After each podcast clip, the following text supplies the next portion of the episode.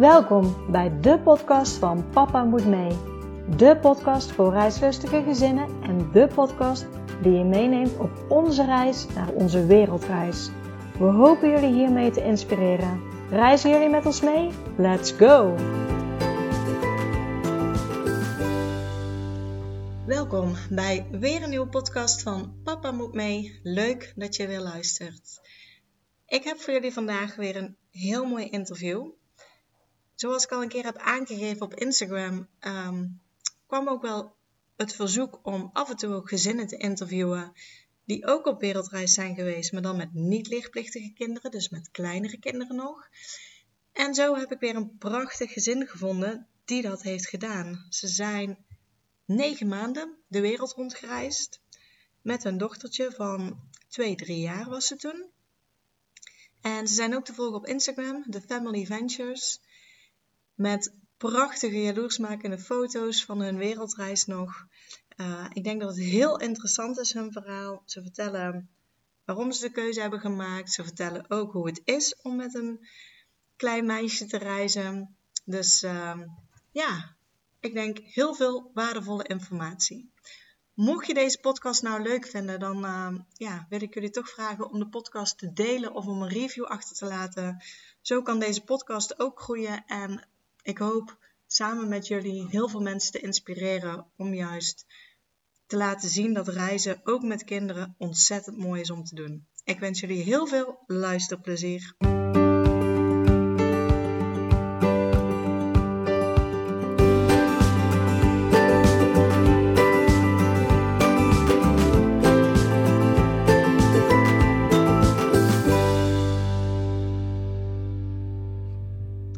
Welkom Matthijs en Juliette bij de podcast van Papa Moet Mee. Dankjewel. Ja, Dankjewel. Bedankt voor de uitnodiging.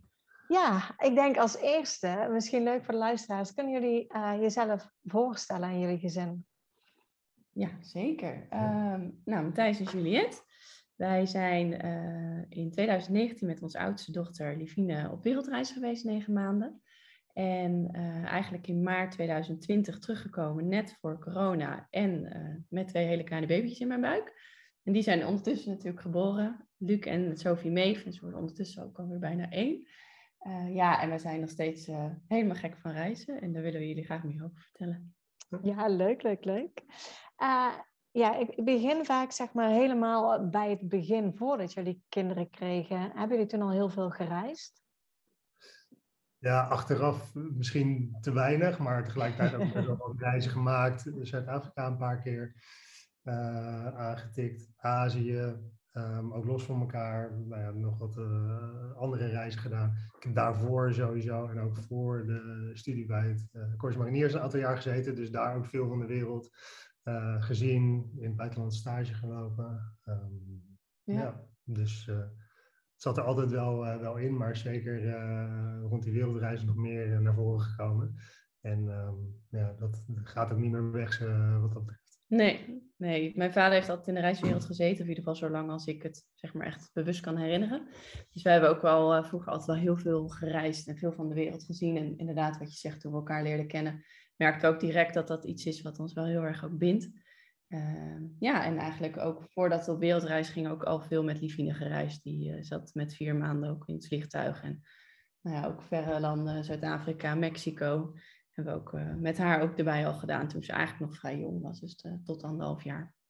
Ja, precies. Want vaak als er kinderen komen, dan denken mensen van, oh nou stopt het, nou kan ik niet meer ver weg, nou moet ik dichtbij. Maar ik hoor nu al, ook al toen jullie eerste dochter kwam, dat jullie gewoon eigenlijk zijn blijven reizen als het ware. Ja, zeker. Ja, kijk, wij, in die zin zitten we er altijd wel vrij nuchter in. Um, dat zolang wij er zijn, merken we dat het eigenlijk bij alle drie dat het goed is. En ja, die vluchten, um, ja, het is ook een beetje verstand op nul en vooral zelf een beetje relaxed blijven. En dan vlieg je eigenlijk ook zo naar Mexico of Zuid-Afrika. En ja, natuurlijk duurt het allemaal wat langer dan bijvoorbeeld Griekenland. Maar het heeft ons inderdaad nooit weerhouden om het echt als maar dichter, dichterbij op te zoeken. Nee, ik, ik denk dat daar nou, twee dingen zitten. Eén, dat ja, vanaf jongs af je kind al gewoon veel meenemen. Als wij nu kijken naar Livine versus Luc en Sophie, die natuurlijk tijdens corona zijn geboren. En ja, toch minder vaak buiten lawaai, nou, noem, noem op hebben. Dat daar ook wel een beetje een verschil in zit. Dus dat je nou ja, een beetje vergelijkingsmateriaal een kind wel een beetje kan nou ja, conditioneren, oneerbiedig gezegd. Um, door het gewoon bloot te stellen aan, uh, aan dat soort uh, dingen. En voor de rest zit ik er ook een beetje in van wat is het ergste wat tijdens zo'n vlucht kan overkomen? Dat je twaalf uur met een kind zeg maar daar uh, staat en zo. Ja, als dat het ergste is en de beloning is dat je wel gewoon ergens anders zit en mooie dingen mag meemaken en zien en, en proeven en ruiken. Ja, dan is dat een kleine prijs om te betalen. En in ons geval is het ergste wat ik ooit heb gehad, is nou ja, drie uur of zo, drieënhalf uur met Livine uh, in de galley van de 747 staan. Terwijl de uh, flight attendants haar een beetje aan het entertainen waren. Want, en dat ze dat ook wel weer interessant vond. En, ja. Um, ja, dan sta je daar drieënhalf uur. Ja, prima. Ja, dus jullie waren al gewend om in ieder geval verder op reis te gaan met, met Livine toen ze klein was. Waar kwam dan bij jullie de droom of de kriebel vandaan om dat voor langere tijd te gaan doen? Ik denk jij eerder ook al beschreef, een beetje het gevoel van nou, dat je dan weg bent en dat je dan eigenlijk alweer terug moet. En um, dat er gewoon zoveel te zien is. En eigenlijk, bij ons is het iedere keer van als we iets zien, dat het eigenlijk het alleen nog maar meer aanwakkert. Van dit is tof, maar dit is ook tof en dit is ook tof. En ja. dat je bijna kan zeggen dat dit een soort van oriënterende wereldreis was. Dat het door wat we hebben gezien, we eigenlijk alleen nog maar meer willen zien. Dus, uh... Ja, en ik denk ook wel de tijd met elkaar doorbrengen, zoveel mogelijk. Dat we Nou ja, allebei ook best wel druk waren toen in Nederland. Met name jij werkte echt, nou ja, soms wel 80 uur per week als het niet meer was. Ja, en dan zie je toch je kind opgroeien, maar je bent er eigenlijk niet. En ja, toen hebben we steeds meer gesprekken erover gehad. En het begon eigenlijk met nou ja, twee maanden wonen en werken in Kaapstad. En gaandeweg groeide dat eigenlijk uit tot een wereldreis van onbepaalde tijd. En ja, dat is eigenlijk heel, hoe zeg je dat, heel organisch, gegroeid. ja. en uh, het was niet dat we van de een op de andere dag dachten van nou, en nou is het klaar en we gaan weg. Maar ja, het is gewoon heel rustig aangegroeid en kreeg steeds meer vorm tijdens heel veel gesprekken die we over hebben gehad en ja, toen kwamen we uiteindelijk hierop uit. Ja. We hebben op een gegeven moment ook een, uh, alle twee een soort van moodboard of PowerPoint uh, gemaakt, die we aan elkaar uh, gepresenteerd hebben. Om te kijken van oké, okay, zitten een beetje op dezelfde lijn. Ja. En zo is dat gaandeweg wel gegroeid van ja, drukke banen en reizen waar het, het kan, naar echt een keuze maken van we gaan gewoon voor langere tijd weg. Want je gaf aan twee maanden in Zuid-Afrika wonen en werken. Um, hoe, hoe, is dat ontstaan? Hebben jullie dan je huidige baan hier opgezegd of kon je met je huidige baan naar Afrika toe? Nee, dat was het oorspronkelijke idee waar de wereldreis uiteindelijk uit is voortgekomen. Uh, of okay. naartoe is eigenlijk. Ja. ja. Ja. wij werkten eigenlijk al, nou ja, sinds we elkaar kenden, denk ik anderhalf jaar nadat we elkaar kenden, zijn we allebei voor onszelf begonnen. Dus dat gaf altijd al wel meer vrijheid. Op een gegeven moment ben jij uh, deels in loondienst gegaan en daarnaast nog je eigen bedrijf gehouden. Dus we hadden zoiets van, nou, misschien met een stuk onbetaald verlof van jouw kant en onze eigen bedrijven kunnen we als daar ons leven naar Kaapstad verplaatsen. En dat is dus eigenlijk steeds verder uitgegroeid tot de wereldreis wat het is geworden. Oké. En ja, dus toen kwam het plan, eerste instantie dus we gaan een paar maanden naar Kaapstad. Uiteindelijk is dat dus geworden van we gaan gewoon over de wereld reizen. Hebben jullie daar nog bewust in gekozen voor, voor de leeftijd toen uh, die Levine had? Hebben jullie al, hadden jullie al uh, zeg maar gedachten van, van de leerplicht, het moet dadelijk voordat ze vijf jaar wordt? Of was het puur geluk eigenlijk? Nou, ik denk wel ja, we, waren ons er zeker bewust van dat dat er uh, nou ja, was en is en dat dat uh, moeilijk uh, is. Tegelijkertijd kwam dat allemaal op dat moment zo, eh, zo samen. Um, dus was dat qua timing heel goed, omdat we ja, wat dat betreft daar niet zo ontzettend veel rekening mee hoefden te houden op dat moment met, met 2,5. Nee, we zeiden altijd, ze is nu 2,5, dus we hebben eigenlijk nog 2,5 jaar. En daarna zijn er ook nog steeds mogelijkheden, maar ja, we zien het wel. En dat was eigenlijk ja, een, een heel fijn gevoel ook, omdat je jezelf ook geen eindtijd oplegt. Of ook niet van we moeten het volmaken of zo, dat je jezelf een bepaalde druk oplegt. Dus het was eigenlijk ook dit was een heel, ja, een heel open gevoel eigenlijk wat we erbij hadden. En kijk, we hadden toen wel al de wens voor een tweede. Absoluut niet dat we dat direct wilden, maar het zit toch ook wel in ons achterhoofd. Dus ja, uitstellen had voor ons in die zin ook niet zo heel veel zin. Of, ja, of eerder, ja, dat ging op bepaalde vlakken eigenlijk ook niet echt lukken. Dus in die zin was de timing echt perfect. En, en merken we toch dat ze eigenlijk vanaf het begin af aan ook daardoor dingen heeft onthouden, omdat ze misschien al 2,5 was. Dat, het, ja, dat we echt wel nu nog steeds dingen van haar horen dat we zeggen, hè, hoe, hoe weet jij dit? Hoe, dit kan je bijna niet weten. Maar ja, op de een of andere manier heeft ze het toch opgeslagen. En dat is ja, heel bijzonder om dat toch met een 2,5-jarig meisje zo samen te hebben meegemaakt. Ja, dat kan ik me voorstellen. Uh, wat hebben jullie uh, moeten regelen? Want vaak bij gezinnen die leerplichtige kinderen hebben, die moeten zich uitschrijven. Uh, jullie hoeven dat niet voor de leerplicht in ieder geval. Nee. zijn jullie uitgeschreven of gewoon ingeschreven blijven staan?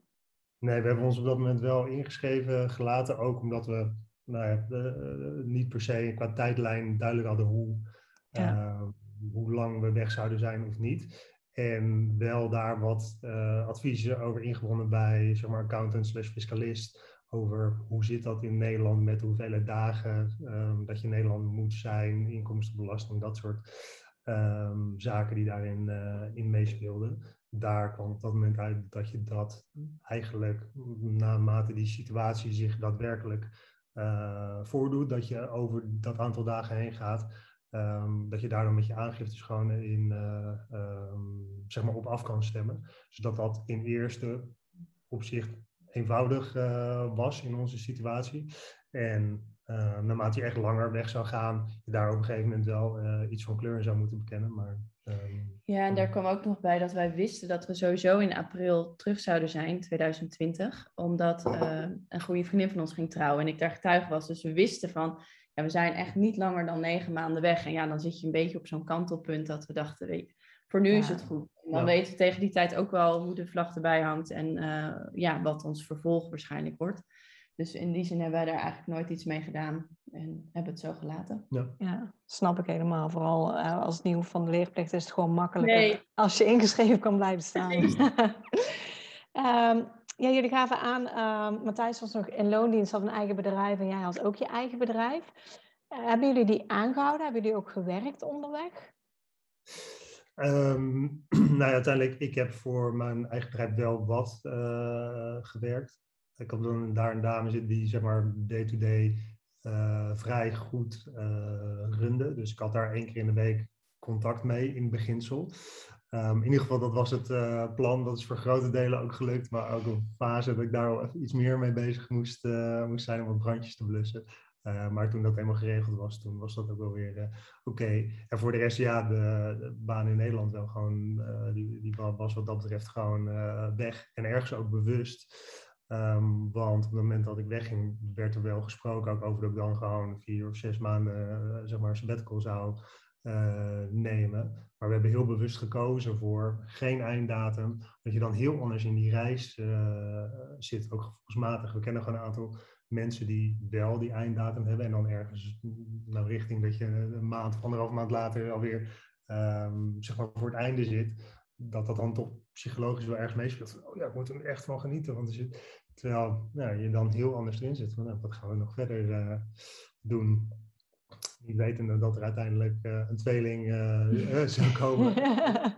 en, een mondiale pandemie, maar goed. Ja, ja precies. Ja. En, en, met andere zaken, net zoals het huis, hoe zijn jullie daarmee omgegaan? We hebben ons huis verkocht. Uh, ook omdat we van tevoren eigenlijk al wisten dat we niet in, het, in dat huis terug wilden komen of in, in het dorp waar we toen woonden.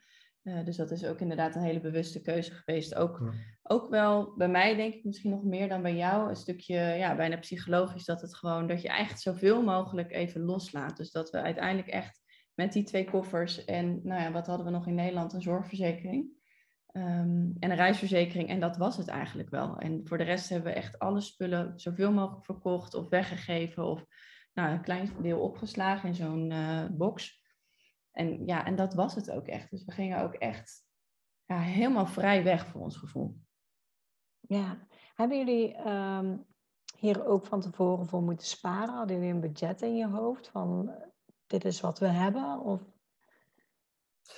Um, ja, deels wel. We hebben ons wel ingelezen over um, wat betalen andere mensen voor een wereldreis. kan al snel op uit dat nou ja, daar uh, zeg maar duizend uh, smaakjes uh, in zijn. Ja, zeker. Uiteindelijk gewoon Um, de belangrijkste drijvers daarin zijn van oké, okay, eigenlijk nou ja, wat voor comfortniveau wil je hebben. En dan daarin zit dan je accommodatie, wat wel een behoorlijk ding is. Nou, voor de rest je eten, drinken, waar je natuurlijk zelf in kan bepalen hoe gek je daarin wil gaan of hoe um, bazaal. En voor de rest ja, wat je wil, uh, wil doen. En transport. En transport natuurlijk. Ja. Um, dat dat wel echt de belangrijkste kostendrijvers zijn. En dat je, nou, als je aan die knoppen draait, mensen hebt die gewoon uh, als stel zijn en soms ook met kinderen ja, backpackend voor een paar tientjes uh, zeg maar per dag al in uh, rondkomen. Maar wel ja, in hostel zitten en af en toe aan comfort een en ander moeten in, inleveren.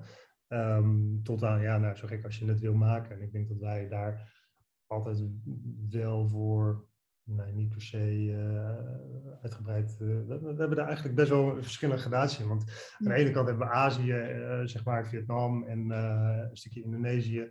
Um, echt wel gewoon relatief budget gedaan. Um, en tegelijkertijd ja, zijn we ook naar Tonga geweest. En gewoon omdat daar specifiek die whales waren. En dat is een ja, once in a lifetime ervaring geweest. Waar ik nu nog steeds terug Want dat had ik echt nooit willen missen.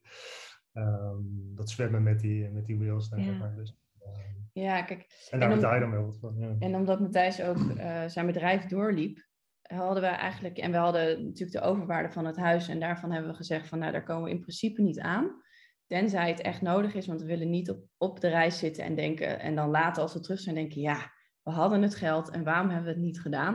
Maar we hebben absoluut niet gezegd van nou, we hebben zoveel overwaarde, huppatee en gaan. En uh, ja. dat, dat was ook helemaal niet nodig. We konden, we konden eigenlijk bijna in alle landen gewoon prima leven van de inkomsten die we ja, eigenlijk uit Nederland hadden. Ja, ja, en het scheelt dan ook dat je zeg maar in Nederland bijna geen vaste lasten meer hebt uh, naast wat verzekeringen ja. na dan, zeg maar. Dus uh, dat maakt natuurlijk ook, uh, ook goedkoop. Hoe uh, hebben jullie uh, Levine erbij betrokken? Wat hebben jullie haar in eerste instantie verteld toen jullie op reis gingen? Ja, daarin merkte je wel dat ze nog vrij jong was. Ik, ze had ja, eigenlijk op dat moment helemaal nog niet echt besef van tijd of van de wereld. Of, we hebben er wel ja, heel veel over verteld natuurlijk. Ook, ja. uh, ook al wat Engels laten kijken met Peppa Pig en ja, van dat ja, soort dus filmpjes. Netflix gewoon op Engels gezet. Ja. En dat ja. ik toch wel met wat kindjes en zo enigszins uh, communiceren. Steeds beter gaandeweg uh, verder op de, de reis uh, kwamen. Maar inderdaad, haar besef van echt van maanden van tevoren voorbereiden, dat bleef niet heel erg hangen op nee. dat moment. Wel een, een beetje, maar Um, we merken sowieso van het, eerder nou ja, reizen of sowieso dingen die ze niet eerder had gedaan. Dat daar zeg maar nou ja, vanaf twee dagen van tevoren een stukje mentaal op voorbereiden. Van, ja, dan dan gaan we dat doen. Zo. En of dat uh, hebben wij van uh, in Nederland uh, de tandarts is met de tandjes stellen een keer van tevoren. En uiteindelijk daar gaan tot nou ja, reizen en vliegen. En dat gaan we doen. Ja, en dan mag je op je stoeltje zitten en dan kan je een filmpje aanzetten. Dan mag je op het knopje drukken, komt er een mevrouw, mag je appelsap bestellen. Nou ja, en waar dat in het begin een beetje enger was en uh, was dat aan het einde van de reis, ging ze daar zitten en was dat zeg maar een soort van uh, vliegen, dus een vast punt. Um, waar ze gewoon ja, heel comfortabel in was en, en zich heel veilig voelde tussen alle andere nieuwe dingen. Dus ja. ja. Ja, dus het was inderdaad, ja, het, het was lastig om haar in die zin voor te bereiden. Aan de andere kant denk ik wel dat wij redelijk relaxed ook zijn gebleven. Echt tot het einde, ook met het opleveren van het huis en de laatste dingen. En ja, dat ze dat ook voelden van, nou, het is oké. Okay. En dat is wel echt iets wat ik denk wat nog steeds heel erg op, van toepassing is bij, ons, bij alle drie de kinderen. Maar ik denk bij, eigenlijk bij alle kinderen dat zij checkten heel vaak bij ons van, hey, hoe voelen zij zich? Oké, okay, zij zien er goed ja. uit en, en relaxed. Nou, en dan was zij dat ook. En ik merkte bijvoorbeeld ook dat wij zijn toen als verrassing in december teruggevlogen vanuit Sydney naar naar Nederland. Dus het was een vlucht van 24 uur, dus in één keer. En ik was er van tevoren, dat was echt de enige vlucht waarvan ik echt dacht, oh jeetje, hoe gaan we dit doen? 24 uur met een peuter van, wat was ze?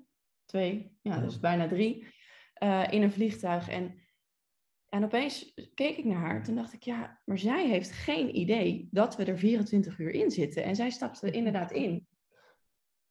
En ze stapte in, in, Amsterdam eigenlijk weer uit. Dus ik echt dacht, ja, en zo is het eigenlijk ook, weet je. Gewoon go with the flow. En dan, dan merk je ook dat je kinderen daar ook gewoon goed op reageren. En dat het nou ja, eigenlijk allemaal heel goed te doen is. En dat, dat, we, ja, dat zij er ook echt heel erg van genoot. Dat zag je. Ja, hoe zag jullie reis eruit? Hadden jullie van tevoren al een route in gedachten of is die route ook ontstaan gedurende de reis? Nou, we zijn uh, begonnen in juni in Europa. Matthijs' zijn broertje kreeg zijn eerste zoontje en ja, we wilden toch wel heel graag nog even daar langs kunnen gaan, omdat we ook wisten van, nou ja, waarschijnlijk zien we hem pas als die uh, één is weer. Um, en dus toen zijn we een maand in Europa geweest, dus Italië, uh, uiteindelijk ook nog naar Griekenland gegaan, een paar dagen in Nederland en toen zijn we naar Singapore gevlogen. Daar wonen vrienden van ons. Zijn we een paar dagen geweest en toen door naar Indonesië. En eigenlijk hebben we in Indonesië echt wel een stuk verder de reis gepland. We hadden wel dat we allebei van elkaar wisten, goh, daar zou ik graag heen willen. Dus we hebben eigenlijk heel ja, systematisch zijn we gaan kijken van, oké, deze staan op de lijst. Wat is een vrij logische route? Uh, ook rekening houden met um, bijvoorbeeld de seizoenen. Dus echt dat je zorgt dat je niet in een cyclone season ergens zit op een eiland waar je niet vanaf komt. Maar ook wel geprobeerd om het hoogseizoen waar het komt te vermijden. Of, dus of net ervoor of net erna te zitten. En bij ons speelde toch op een gegeven moment ook absoluut wel het Zika-virus mee. Dat we, nou ja, ook door de kinderwens die we hadden, dat we zoiets hadden van ja, eigenlijk willen we gewoon als eerst de Zika-landen doen. En een tijdje ook zorgen dat we dus daar al uit zijn voordat, nou ja, we daarmee verder konden gaan. En ja, zo hoe snel, hoe langzaam dat dan ook zou gaan. Ja. Inderdaad. Dus ik denk dat we overal ergens tussen de nou ja, anderhalf en tweeënhalve maand telkens vooruit hebben gepland. Um, als in vooruit geboekt. Ehm, dat de plannen een aantal keer nou ja, zijn gewijzigd. Um, we hebben bijvoorbeeld in uh, Japan uh, twee tyfoons die er overheen kwamen. En op het moment dat de een over het midden heen kwam, gingen wij juist naar het zuiden toe. En op het moment dat we net weer teruggingen, gingen we over het, uh, het zuiden zelf heen, zeg maar. Dus nou, als je daar net een tikje flexibel in bent en ook dat we niet alles gelijk al dicht probeerden te plannen, omdat je natuurlijk je reisgidsen, je blogs en dat soort dingen, informatie die je op afstand kan inwinnen. Maar vaak is er lokaal nou ja, zoveel nog extra biegang en plekjes die je anders nooit te weten zou komen. En je geen enkele reisgids staan. Dat je daar ook een beetje ruimte voor nou ja, wil houden. Dat dat misschien nog wel. Ja, ja, of als je gewoon echt heel erg lekker zit op een plek. Dat je niet denkt, oh, en nu moeten we alweer weg, want alles is alweer gepland. En dat, ja. Ja. Daar hielden we in die zin ook wel rekening mee. En op een gegeven moment waren natuurlijk de bosbranden in Australië. We hadden eigenlijk net een hele route gepland. Um, nou ja, van Sydney naar Brisbane. Brisbane uh, langs de, de kust omhoog inderdaad. En in het begin leek dat nog wel te kunnen, maar tot een paar dagen daarvoor. We kwamen echt in de rook ook aan in Sydney uh, uiteindelijk. Ja. Um, maar dat het gewoon geen slim idee was en voor niemand leuk, omdat daar net in het achterland de boel in de fik stond. Dus zijn we uiteindelijk naar Brisbane gevlogen, maar daar naar Byron Bay uh, gereden. Um, en uiteindelijk nou, hebben we daar dan gewoon wat langer gezeten. Heerlijke plekken, ja. genoten van alles uh, gezien, nog een keertje gesurfd. En ja, uh, ook mooi. ja.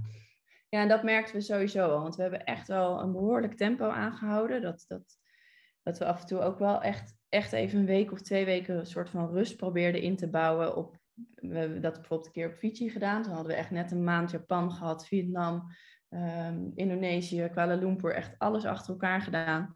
En toen zijn we op Fiji, zijn we echt wel twee weken geweest en nog eens tweeënhalve week op uh, Tonga, waar echt niks in die zin, nou ja, het is echt een soort wilde westen, maar dan in de Pacific. Dus alles is heel rustig en nou ja, weinig internet en allemaal heerlijk rustig aan.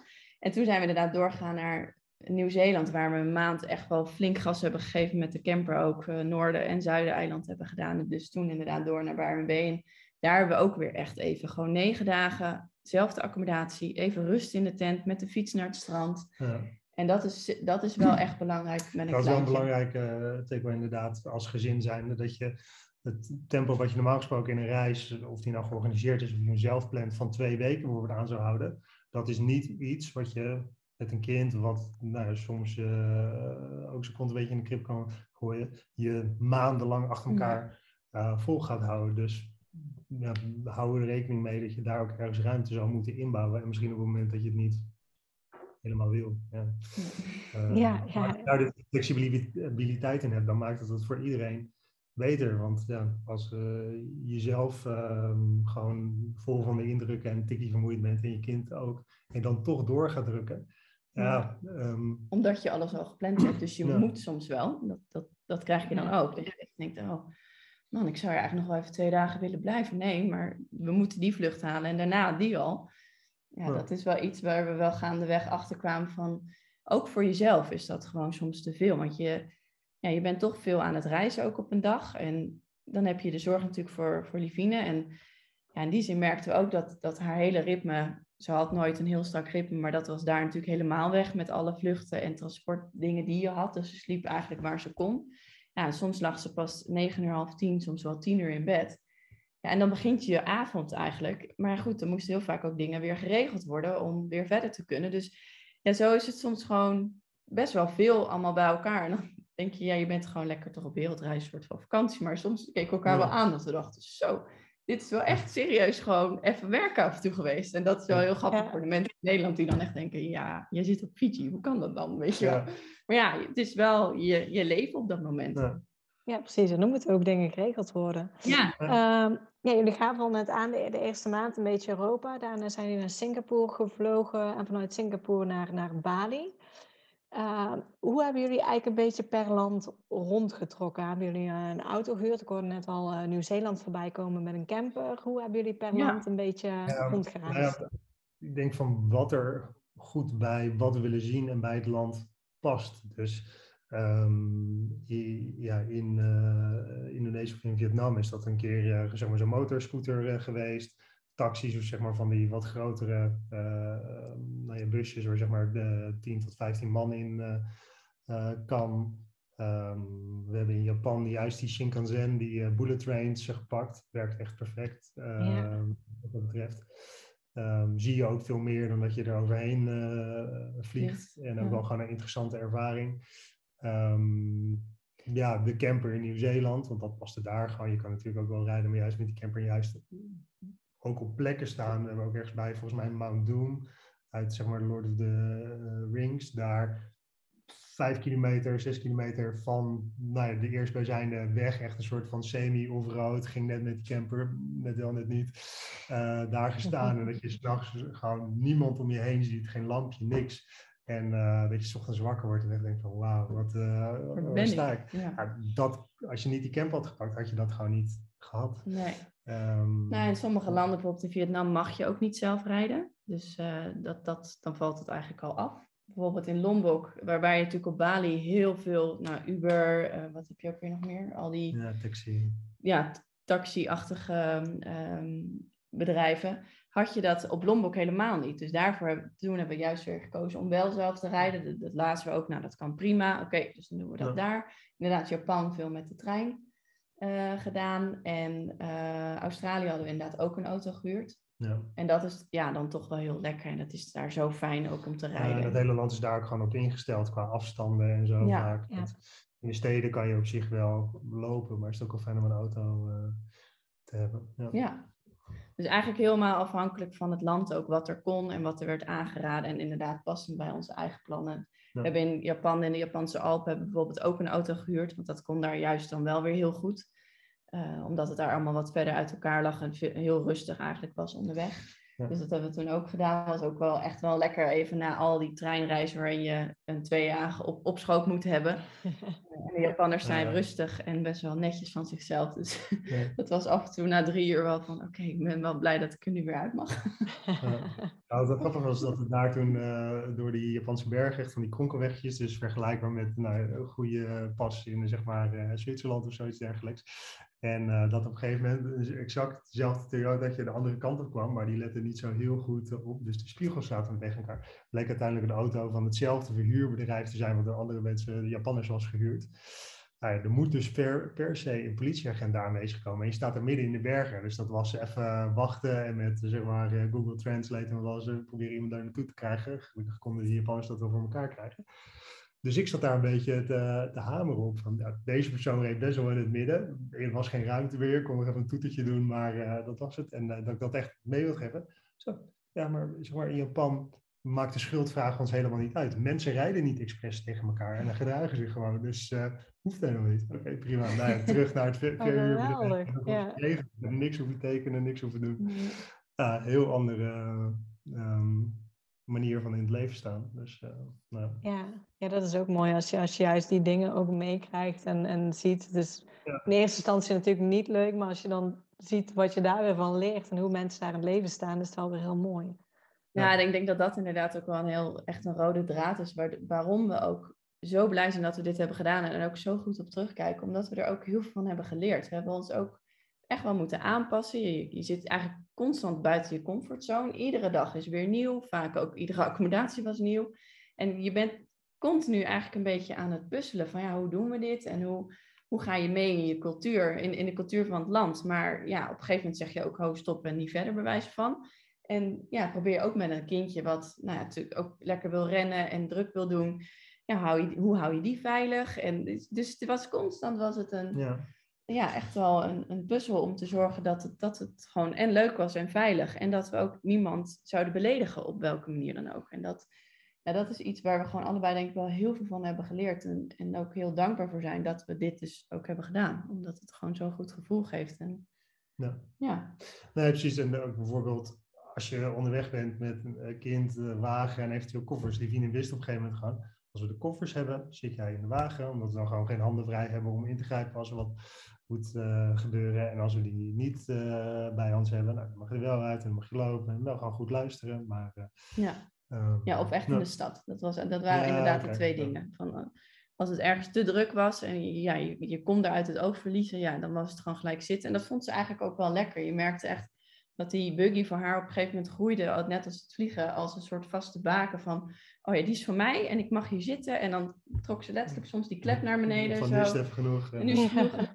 Lekker liggen slapen van, nou, ik geloof het allemaal wel even.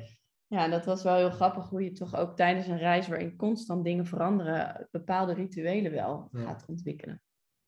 Ja, want, want als je met kleine kinderen op vakantie gaat, of in ieder geval al is het een weekend weg, dan ligt uh, heel je auto meestal bomvol met ja. allerlei spullen opeens. Lijkt een hele volksverhuizing. En ja, jullie reizen dan de wereld over met een klein kindje. Wat zijn nou de spullen die jullie hebben meegenomen? Uh, zij had uh, haar eigen nou ja, Woezel en Pip uh, koffertje met wieltjes. En daar was ook een soort van trots op dat dat haar ding was. En daar, gewoon wat daarin paste, was haar speelgoed. Dus als er iets bij kwam of wat ze graag wilde hebben, dan moest er iets anders uit. Ja. Um, dus ook al, denk ik, vroeg misschien een goede les voor, een, voor een kind. Maar um, ja, we konden dat... het gewoon niet meenemen. Nee, ja. precies. Voor de rest, ja, we hebben geen kinderbedjes of wat dan ook. Hadden we die nee. uh, zo'n tentje mee? Nee. Ook niet. Nee. Dus... Nee, het, eigenlijk het enige wat we hadden voor haar was een, zo'n speciale kinderkoptelefoon voor in het vliegtuig. En uh, in het begin hadden we ook twee uh, knuffels van haar. Pie heet die? Pietje. En uh, dus ook expres twee, zodat als er eentje kwijt zou raken, ja, dat er niet... backup ergens anders ja, een reserve. Ja, we hadden even een reserve. Want zeker toen we net weggingen, had ze hem in de meeting nog echt wel nodig. Nu eigenlijk niet meer. Um, en we hebben, toevallig hadden we bij de eerste accommodatie in Bali hadden we een sarong gekregen. Nou, en die is ook overal mee naartoe gegaan. Die had ze in het vliegtuig als dekentje. Die had ze daar vaak... ligt ze nu nog steeds onder. Ja, daar, daar sliep ze ook vaak onder op een gegeven moment. Uh, en, en naar het strand ging die mee. En de pop werd erin gewikkeld. Het was echt een soort speelgoed, handig ding in één eigenlijk. Ja, en dat zijn denk ik wel de dingen waarvan we zeggen van ja, plus inderdaad het speelgoed, uh, wat wij soms ook natuurlijk wel aanvulden als het echt kapot was of, of knutselspullen op waren. Maar we probeerden haar inderdaad wel mee te geven van ja, we kunnen gewoon niet meer meenemen, dus wat er in jouw tasje past, dat is het. Uh, en je ziet dan ook wel gedurende de reis dat ze eigenlijk zoveel creatiever werd dan als thuis de hele speelhoek vol ligt met speelgoed. Want op een gegeven moment was ze van alles aan het maken met steentjes en zand en hele verhalen erbij. En ja, dat is zo leuk om te zien dan. Hoe, hoe, zo, hoe die, nou ja, die, die creativiteit echt loskomt. Ja, als een kind daar gewoon eventjes in zit, ja, dan weet het op een gegeven moment ook niet beter meer. Op die leeftijd in ieder geval. Ja. Um, dus ja, als Abel Tasman uh, Park in Nieuw-Zeeland uh, er neerzet, dus voor de rest geen speelgoed bij, nou, dan pak ze een paar takken en dan gingen ze dingen in de, de grond uh, tekenen, althans in het strand tekenen. En dat, dat ja. Ja, dan um, hebben ze eigenlijk weinig nodig op zo'n moment. Nee, Ja. klopt. En soms hadden we ook wel dat, dat we op een accommodatie waren waar dan wat speelgoed was. Of eh, ze kreeg wat in het vliegtuig bij bepaalde maatschappijen. En ja, daar was ze dan ook zo blij mee. Dat is dan ook wel weer heel leuk Ja. om te zien hoe, hoe makkelijk dat dan ook gaat. Dat ze zegt, oh, ik heb kleurtjes gekregen, helemaal blij. Ja, terwijl nu, Ja. ja, zegt ze, ja, leuk, weet je wel. Ja, dat, je, dat ze wel dankbaarder daardoor is dat ze, als ze zoiets kreeg. Want Ja. daarvoor was dat minder. Ja, misschien inderdaad ook leeftijd, dat weet ik niet. Maar ja, het was gewoon heel leuk om te zien hoe, nou ja, hoe ze daarmee omgingen. En ik heb ook nooit gehoord van, oh, maar ik heb dit niet of ik heb dat niet. Dat, Nee. Dat, het was er gewoon niet, punt. En dat merkte ik bij mezelf eigenlijk ook met spullen. Dat we op een gegeven moment, we hebben vrij snel, we hebben volgens mij twee keer, hebben we echt een doos met spullen teruggestuurd. Dat we zeiden, ja, we dragen het niet. En het, we nemen het iedere keer maar mee. En ja, dat we op een gegeven moment echt zeiden, ja, weg ermee. En dat we eigenlijk nog minder steeds mee hadden. En Ja, dat was inderdaad. ook wel heel We- lekker. we- We waren dus echt gewoon met twee koffers van hoeveel waren ze? 80? 80 liter, ja. Ehm, voor ons alle drie. En daar zaten dus ook gewoon, zeg maar, flippers, een duikbril, een duikmaskertje en al dat soort spul. Omdat je dat ter plekke met huren vaak toch niet optimaal is. Ehm, dus zelfs dat soort dingen zaten erin. Best wel wat cameragear, we hadden gewoon laptops mee. Ehm, ja. Ja. en toch gingen er spullen terug, omdat we Ja. dachten, ja, Ja, voor de rest we hebben we dus wel een aantal dingen die wel echt zonderd eh, waren, wat wel echt handig is om eh, mee te nemen. Ehm, dus iets van een tasje om al je waardevolle documenten bij elkaar. Dus ik heb op een gegeven moment, ik had daar wel iets anders voor, een mapje, maar toch vaak heb je je handen nodig. Dus op een gegeven moment zo'n heuptasje eh, gekocht. Nou ja, voor sommige mensen is het heel hip om dat zo te doen. Ja. Per se niet de hele dag overheen lopen, maar op een vliegveld met inchecken of wat dan ook heb je dat nodig. En dan heb je koffers en kits en zo. Dus nou, dan denk ik dat ding gewoon zo om. Tegelijkertijd relatief veilig, dat het zo onder je arm zit. Ik deed nog niet zo, het verkouden, maar gewoon. En ehm, eh, dus dat was wel echt handig iets om te hebben. Ja, voor de rest gewoon qua medicatie en dat soort dingen hebben we wel gewoon van tevoren goed gekeken van wat we allemaal mee. Volgens mij hebben we zelfs iets van antibiotica ja, ja. eh, en malaria. gekregen, wat je zeg maar eh, gewoon gedroogd poeder is, wat je aan moet maken en dan kan geven. En iets voor ma- malaria inderdaad. Ehm, dus daar waren we op zich wel goed voorbereid. Voor de rest hebben we wel zeg maar een eh, rookmelder in combinatie met koolmonoxide meter. En gewoon, je hoort daar toch altijd wel weer verhalen van. En ja, als je zo'n klein ding mee kan nemen en ehm, gewoon in je kamer legt en daar ook gewoon gerust over bent. Of Ja. bij je kind in de kamer. Ehm, dus dat is wel iets wat we consequent meenemen. Ja, weegt niet zoveel en toch, toch makkelijk. En voor de rest, ja, uiteindelijk eh, adapters en kabels. Dat is Ja. Ja, ja. eh, De wereldstekker, die, die Ja. ging absoluut mee. zeker. Dat is iedere keer weer even kijken welke we nou weer moeten hebben. En dan weer Ja. draaien en klikken. En oh ja, deze is hier. Ja. Ja, die is wel echt onmisbaar geweest ook. Ja. Ja. Ja, want eh, qua, jullie, jullie hadden geen tentje mee waar ze in sliep. Jullie hadden wel een buggy mee. Hadden jullie ook nog iets mee qua, qua dragen, om haar te dragen of ook niet? Nee, nee we, we hebben zo'n eh yo-yo, babyzen.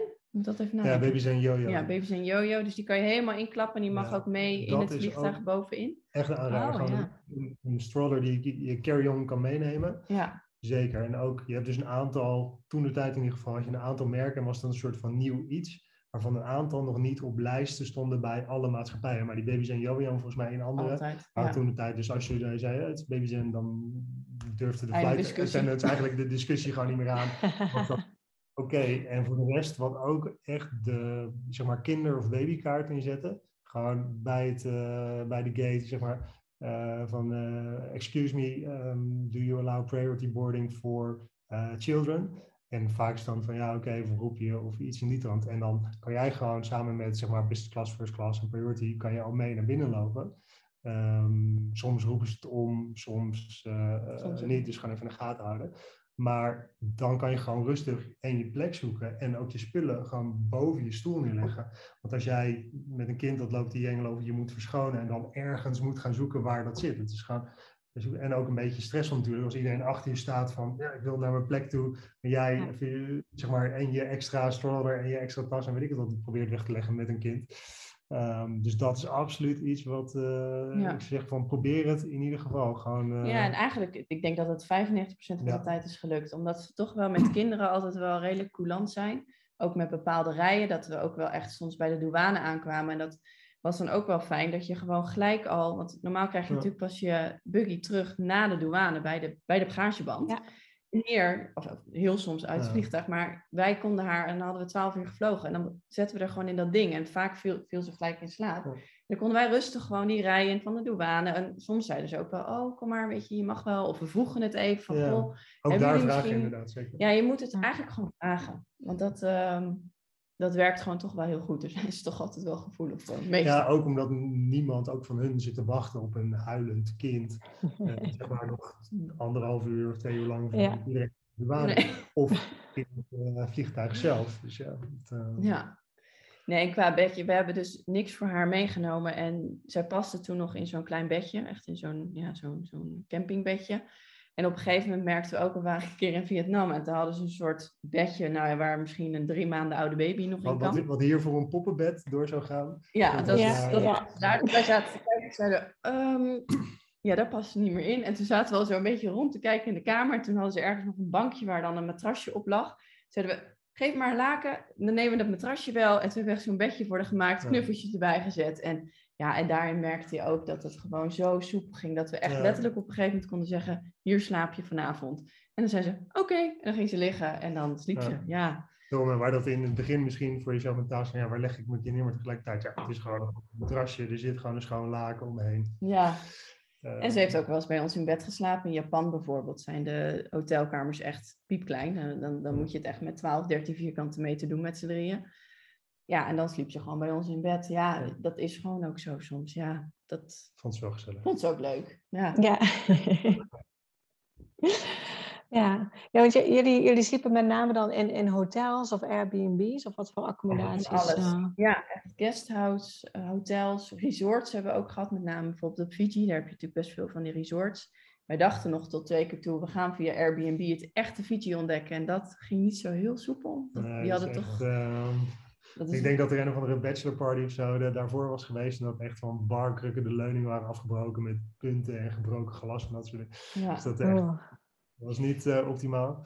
nee. Eh, maar ook eh, ja, gewoon echt eh Indonesië, gewoon rieten hutjes. Dat er volgens mij drie of vier hutjes op het hele eiland waren. En ehm, overdag geen stroom. En nou, heel, ja. eigenlijk heel basic, maar ja, heerlijk. Want het was echt een onbewoond eiland eigenlijk aan de zee. We keken uit op de zee.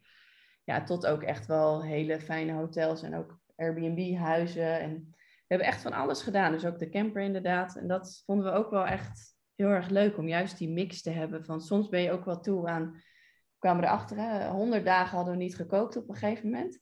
En toen kwamen we op Tonga aan en toen was het echt van, oh, we kunnen koken. Ja, en dan heb je een supermarkt waar eens in zoveel tijd de ferry vanuit Nieuw-Zeeland of eh, Australië komt. Dus de keuze was ook lang niet altijd reuze. Maar Ja.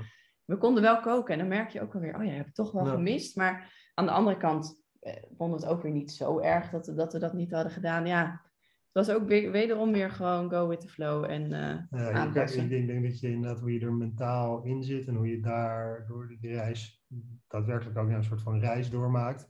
Je dat niet per se aan de voorkant helemaal kan, kan overzien hoe dat gaat Nee. eh, zijn. Zelfs als je best wel wat eh, gereisd hebt in het leven daarvoor, dat het toch met een gezin toch weer anders is. Het, eh, Nou ja, en het is ook je leven op dat moment. We wisten ook van, ja, het is niet dat we over drie weken teruggaan naar Nederland, naar ons huis. En ja, dat, dat punt hadden we niet. En we hebben Ja. ook nooit heimwee gehad. En ik heb alleen af en toe wel gedacht, oké, nu wil ik graag ergens anders zijn. Bijvoorbeeld toen op Fiji, dat we echt op een eiland zaten en alles Ja. misging.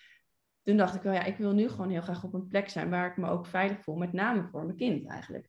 Niet eens zozeer voor onszelf. Want ik dacht, ja, wij redden ons wel, maar meer voor haar. En dat, dat was op zich ook wel een heel lekker gevoel. Dat dat echte heimweegevoel ja, er eigenlijk niet is geweest.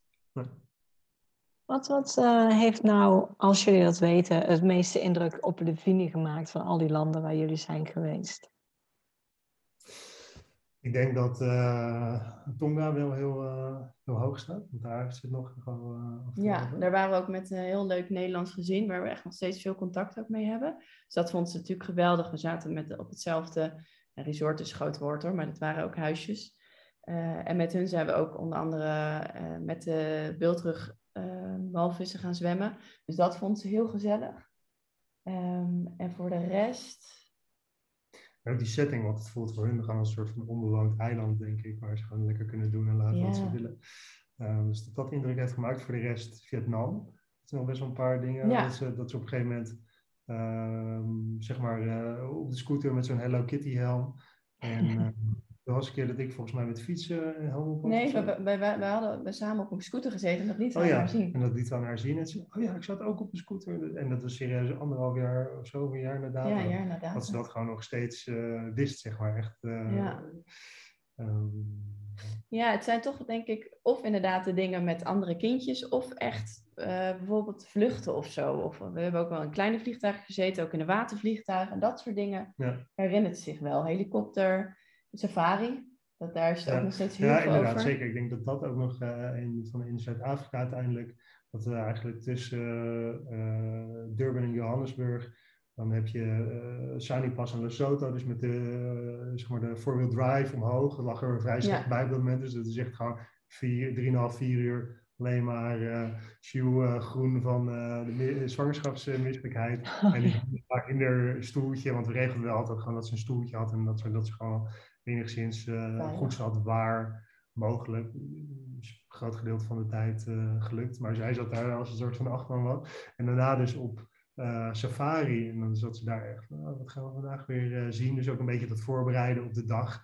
En ja, een, een, leeuw denk ik wel, en een giraf en een zebra. En dan zat ze er helemaal even in te beleven en uiteindelijk alles zien. En er waren ook zoveel indrukken dat ze uiteindelijk heel die sessie vaak niet redden. En op een gegeven moment gewoon op schoot lag te slapen in die, in die, die landcruiser, zeg maar. Maar ja. Um, ja, dat heeft ook wel veel indruk gemaakt. Ja, ja, gaaf. Ja, jullie gaven al aan, je bent uiteindelijk uh, zwanger geworden op, op reis. Hoe, um, ja, wanneer kwamen jullie daarachter? Ook op reis zijnde? Of, um... Nou, um, ja. we waren dus als verrassing voor, nou, de families wisten het, maar alle vrienden eigenlijk niet. Zijn we met kerst en oud en nieuw naar Nederland gevlogen. En daar merkte ik wel dat ik op een gegeven moment dacht, hmm, voel me een beetje anders. Maar het was zo druk overal en we hadden zoveel afspraken dat ik ook dacht, ja, ik wil dat niet nu gaan uitzoeken door middel van testen natuurlijk. Dus uiteindelijk zijn we toen we in Zuid-Afrika aankwamen, toen was mijn koffer ook nog niet meegekomen. Dus toen gingen we naar de mall daar om spullen te halen. Toen zei ik al, haal ook maar een zwangerschapstest. En die was zo duidelijk echt, terwijl ik echt nou ja, vier weken was. En toen dachten we al, hmm, dit is interessant. Ja. Of we vergissen Iets- onze iets maand, of Eh, er is hier iets anders aan de hand. En toen zagen we inderdaad op safari zagen we nog een dubbele regenboog. En ik was zo ontzettend misselijk. Dus ik zei voor de grap wel eens, ja, ik ben gewoon twee keer zo misselijk als bij Livine. Ja, dus uiteindelijk, het was echt wel een shock toen, het, toen we tijdens de echo eh, in eh, Zuid-Afrika zagen dat het, een, dat het er twee waren. Maar ergens verbaasde het ons ook weer niet helemaal. Nee, wel een beetje Ja. typisch. Ja, ergens past het misschien ook wel bij ons, Maar- ik weet het niet. Maar Ja, dus eh, ge- gelukkig hadden we door die misselijkheid nog niet als te veel vooruit geboekt. Omdat op Ja. een gegeven moment ook COVID natuurlijk om de hoek kwam. Wat wij eigenlijk vrij laat pas echt de grootheid daarvan door hadden. Eh, omdat we het in Zuid-Afrika op dat moment gewoon ja, nog niet eh leefden. niet was. Ehm, ja. Dus daardoor hebben we ook helemaal geen vouchers, wat je natuurlijk vaak hoort, dat mensen echt allemaal vouchers hebben of, of nou, heel veel geld hebben wat ze niet gespendeerd hebben, wat ze niet terugkregen. Dus wij hebben uiteindelijk gewoon gezegd, nou we wachten even sowieso met boeken van de verdere dingen. Ehm, en toen hebben we dus uiteindelijk besloten, ik denk eind februari, iets van twee, drie weken van tevoren, dat we zeiden, nou ik, ik wist, we wisten natuurlijk toen dat het een tweeling was. En toen zei ik, ja, ik ben nu gewoon medisch geworden en een tweelingzwangerschap is echt anders dan een één, eenlingzwangerschap. Dus laten we dan toch maar naar Nederland gaan. En dan zien we vanuit daar wel verder eh, hoe het allemaal loopt. Dus vanuit daar, vanuit Kaapstad ook een huis gehuurd in Nederland. Vanaf de fundaplaatjes. En eh, Een jaar daarvoor huis verkoop. ja, verkocht Kocht ook in ook in Kaapstad. Dus het was wel een mooie dat- cirkel. dat cirkel, ja. En, eh, ja, en toen zijn we op 12 eh, maart teruggevlogen. 13 maart kregen we de sleutel. Zijn we gelijk verhuisd naar wat we hadden. En op 15 maart gingen natuurlijk de eerste maatregelen in. Dus eigenlijk, ja, hebben we het qua, qua timing is het een soort van perfect Ja, geweest. We hebben geen, totaal geen onrust gehad vanuit een ander land om terug te komen. Of, Eh, die verhalen die hoort van mensen die dan echt net een Ja. week of twee of een maand weg Ja. waren. En, eh, en alles moeten afbreken. Nee, dus in die zin hebben we, ja, zijn we echt voor de tweeling naar huis gegaan. En dat is wel fijn. Dat is wel een fijn gevoel om het zo te hebben afgesloten.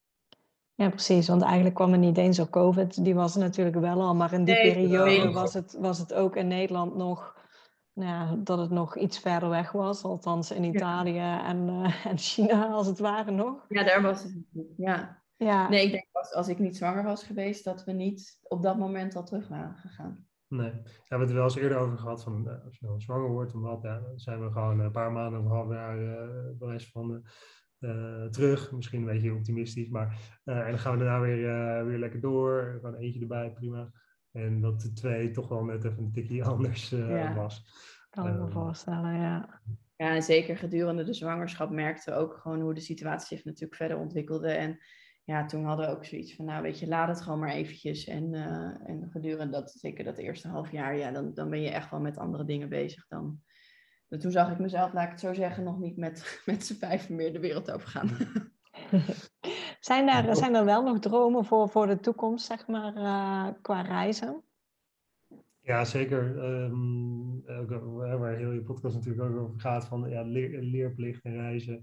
Um, dus dat is ook een onderwerp wat onze uh, nou interesse heeft. In ieder geval van hoe ga je daar zo slim en zo goed mogelijk uh, mee om. En voor de rest ja, naar de toekomst toe zoveel mogelijk uh, reizen. En ehm, ja, misschien zit er op termijn ook wel een iets langere stay ergens in het, het buitenland ja. in. Ja, dat is wel echt een droom. Dat, is echt wel echt, dat zouden we echt wel heel leuk vinden. Ik, op een gegeven moment denk ik met drie kinderen waarvan eentje leerplichtig is, dat je niet oneindig kan blijven reizen. En dat, die behoefte hebben we ook niet. Maar de, de wens en de wil om echt wel voor langere tijd in het buitenland te zitten, dat, dat is echt absoluut iets wat we heel graag zouden willen. Is er nog qua landen waar jullie zijn geweest, dat je echt zegt van nou, dat land was totaal niet kindvriendelijk? Hebben jullie daar nog iets in meegemaakt? Of zeg je van nou, eigenlijk ieder land uh, is goed te doen? Ja, kijk, we vonden zelf bijvoorbeeld Japan in die zin wel een interessante. Want wat ik net al zei, ze zijn van, van nature heel rustig en behouden. En de kindjes zijn ook heel rustig. Uh, alles is natuurlijk best wel klein en op elkaar. En nou ja, ook dun, dunne bandjes uh, met, met nou ja, Soms letterlijk van papier. Van papier. um, dus daar moesten we af en toe wel echt een beetje in zoeken. Want wat ik ook zei, Livine zat dan bij ons op schoot. Want je had geen speciale kindertarief. En anders moest je echt een volwassenen ticket in, uh, in al die treinen. Dus we zeiden, nou, dan nemen we er wel op schoot.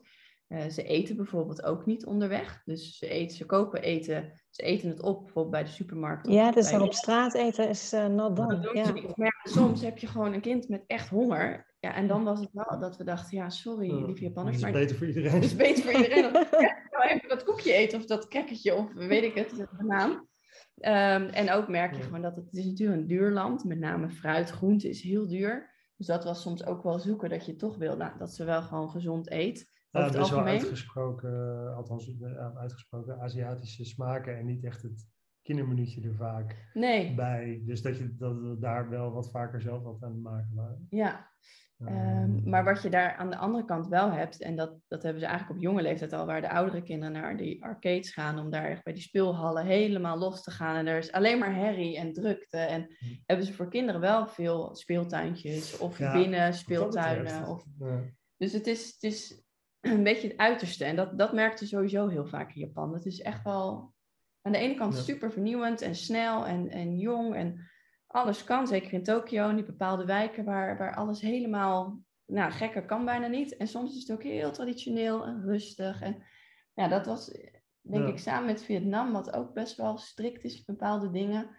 Um, nou, misschien nog wel het meeste zoeken van, hey, wat ik al eerder zei, van hoe ga je mee met een land en de cultuur en probeer ze absoluut niet te beledigen? En hoe zorg je er ook zelf voor dat je ook wel rustig blijft? Want op een gegeven moment merkten we echt dat we telkens tegen de vrienden zeiden, oh, rustig en voorzichtig, kijk uit en even afstand. En, ja, en dat we echt pas in die speeltuin zeiden, nou ga maar kind. En dan renden ze ook alle kanten op en dan was ze echt niet te stoppen. En dat we soms, op, zeker op het einde van die maand in Japan, wel zeiden, oké, sorry, maar je krijgt nu gewoon wel echt even wat te eten. Want wat jij zegt, het is echt beter voor iedereen. En we doen het heel discreet en Daarna gaan we weer door. alles mee. Ja, en we, alles, die hele buggy onderin lag dan vol met afval. Want dat deden we dan echt pas netjes als we ergens natuurlijk het weg konden gooien. Maar, maar voor de rest denk ik van echt kindonvriendelijk. Niet per se wel van de hoeveelheid eh, speeltuindingen. Of dat, dat dat wel enigszins kan uh, verschillen. Maar dat ook een beetje is van op wat voor uh, plekje zit. Als je ergens in een of andere ja, dichtgebouwde wijk in de stad zit, versus uh, ja. ergens wat meer misschien ook op toeristen ingesteld. Dat daar wel verschil tussen zit. Maar dat heb je volgens mij overal. Of je nou in Nederland bent of heel ergens anders. Ja. ja. Um, Nee, we hebben eigenlijk... Zoek, daar gewoon, ja, wijs je accommodatie op uit en wat je ook gaat doen. En zeker als je ook gewoon ergens zit en een programma hebt van oké, activiteiten die je gaat doen of wat dan ook. Dan is er misschien sowieso wat minder tijd om echt naar een of ander, uh, zeg maar, een geel paradijs speeltuin te gaan of wat dan ook. Um, en is er misschien ook minder behoefte aan, want die kinderen hebben al heel wat meegemaakt en zijn daarna gewoon klaar en af en willen wat eten en willen lekker het mandje in. Ja. ja. en dat probeerden we ook wel, dat we echt wel, als we drukke dagen hadden gehad, dat we bijvoorbeeld ook wel af en toe gewoon een dag of in ieder geval een paar uurtjes, die waren gewoon voor Livine. En dan, dan gingen we naar de speeltuin of we gingen uitgebreid uh, lekker zwemmen in het zwembad of uh, zandkastelen bouwen. En dan draaide het echt even om haar. En dan, dan hadden we ook alle aandacht voor haar. En ja, ik denk dat dat ook wel belangrijk is, dat er ook gewoon weer balans is. En dat, ja, dat, daar zorgden we echt wel voor dat, dat ze ook wel genoeg ruimte kregen ook om echt kind te zijn. Ja, mooi. Ik heb voor jullie uh, ditjes of datjes. Ik zou gewoon oh. zeggen, kies gewoon het eerste wat in je opkomt. Ja. Een uh, stedentrip of strandvakantie? Strandvakantie. stedentrip. Auto of vliegtuig? Vliegtuig. Vliegtuig. Backpack of koffer? Koffer. Koffer. Airbnb slash hotel of kamperen? Airbnb. Uh, Airbnb. Zomer of winter? Zomer. Zomer. Zwembad of zee? Zee. Zee. Bergen of strand? Strand. Uh, bergen. Europa of buiten Europa? Buiten, buiten Europa. Roadtrip of één vaste plek?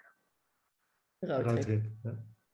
En dan de laatste vraag. Hebben jullie nog tips voor andere gezinnen die ook op wereldreis willen gaan? Um, ik denk, ja, ga gewoon met elkaar die reis om te reizen eigenlijk aan. Want zo is het ook een beetje. Het is niet alsof je, althans dat zou, zou je kunnen doen, maar als je in één keer vertrekt, maar dat je elkaar gewoon meeneemt in het vormen van het idee waar je ook alle twee blij mee bent. Want als daar iets in zit van ik laat dat even of zo, dan denk ik dat je daar vrij snel problemen mee gaat krijgen op het moment dat je met wat minder slaap en wat de drukte en dicht op elkaar, wat nou, dat dat dan toch sneller tot uh, wrijving gaat leiden. Als je gewoon uh, ja, daar echt met z'n tweeën een beeld van hebt uh, gevormd, dat dat wel echt een belangrijke basis is om je reis op te bouwen. Um, ja. ja, en wij spreken natuurlijk ook best wel vaak mensen die ook deze wens hebben. En dan denk ik ook, ja, ik, wij horen gewoon best wel veel angst ook. Van wat als dit, wat als dat, wat als zus. En eigenlijk kunnen wij alleen maar zeggen van ga het gewoon doen. Uh, tuurlijk, dus, hè, regel je dingen, zorg dat je wel gewoon goed voorbereid op reis gaat. Dus zorg ook bijvoorbeeld voor visa. Dat hebben wij ook een keer gehad, dat we ergens Vietnam probeerden in te komen en de e-visa visum niet goed was binnengekomen. Ja, dan sta je wel met je kind uh, eigenlijk voor de grens van Vietnam en sturen ze je terug als je pech hebt. Nou, dat hebben we allemaal geregeld. Maar dat soort dingen, hè, um, bereid je voor, bereid je kinderen inderdaad ook voor, zeker op wat latere leeftijd. Haal je inentingen. Eigenlijk gewoon de, de dingen waar je gewoon goed over na moet denken. En dan zou ik vooral zeggen, ga en laat het ook een beetje over je heen komen. Want dat, ik merkte zelf bij mezelf in het begin dat ik echt opeens dacht, oké, nu gebeurt het. En ik ben nu op wereldreis, ik moet nu heel erg genieten. En wat vind ik en wat voel ik? En op een gegeven moment dacht ik, oké, laat het los. We, we, doen het en weet je, we kunnen al, aan de andere kant erbij schaven, bijsturen. En toen zei je ook van, ja, ga jij nou maar even een dagje iets voor jezelf doen. En toen merkte ik ook van, oké, ja, en nu, dan land je weer een beetje. Dus ja, blijf praten met elkaar, ook, ook tijdens de reis, maar inderdaad ook absoluut ervoor. En ja, ik, we kunnen alleen maar zeggen van, als je de droom hebt, ga het doen. Want het is echt ja, het allermooiste wat we ooit hebben gedaan met z'n drieën. En ook met z'n tweeën is het natuurlijk waanzinnig. Maar ook zeker als gezin, omdat het je echt en dat was ook wel echt dichter bij elkaar Absoluut. heeft gebracht. Ja. Absoluut. Ja. Ja, nou, ik denk uh, super waardevolle tip voor iedereen. en uh, ja, dus ik wil jullie ontzettend bedanken voor uh, alle informatie die jullie hebben gegeven en jullie tijd natuurlijk. Ja, heel graag gedaan. Graag gedaan.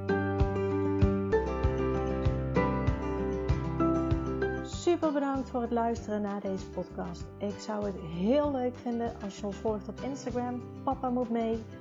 Deel deze vooral in je stories als je hebt geluisterd en tag ons en laat ons weten wat je ervan vond. Tot de volgende keer.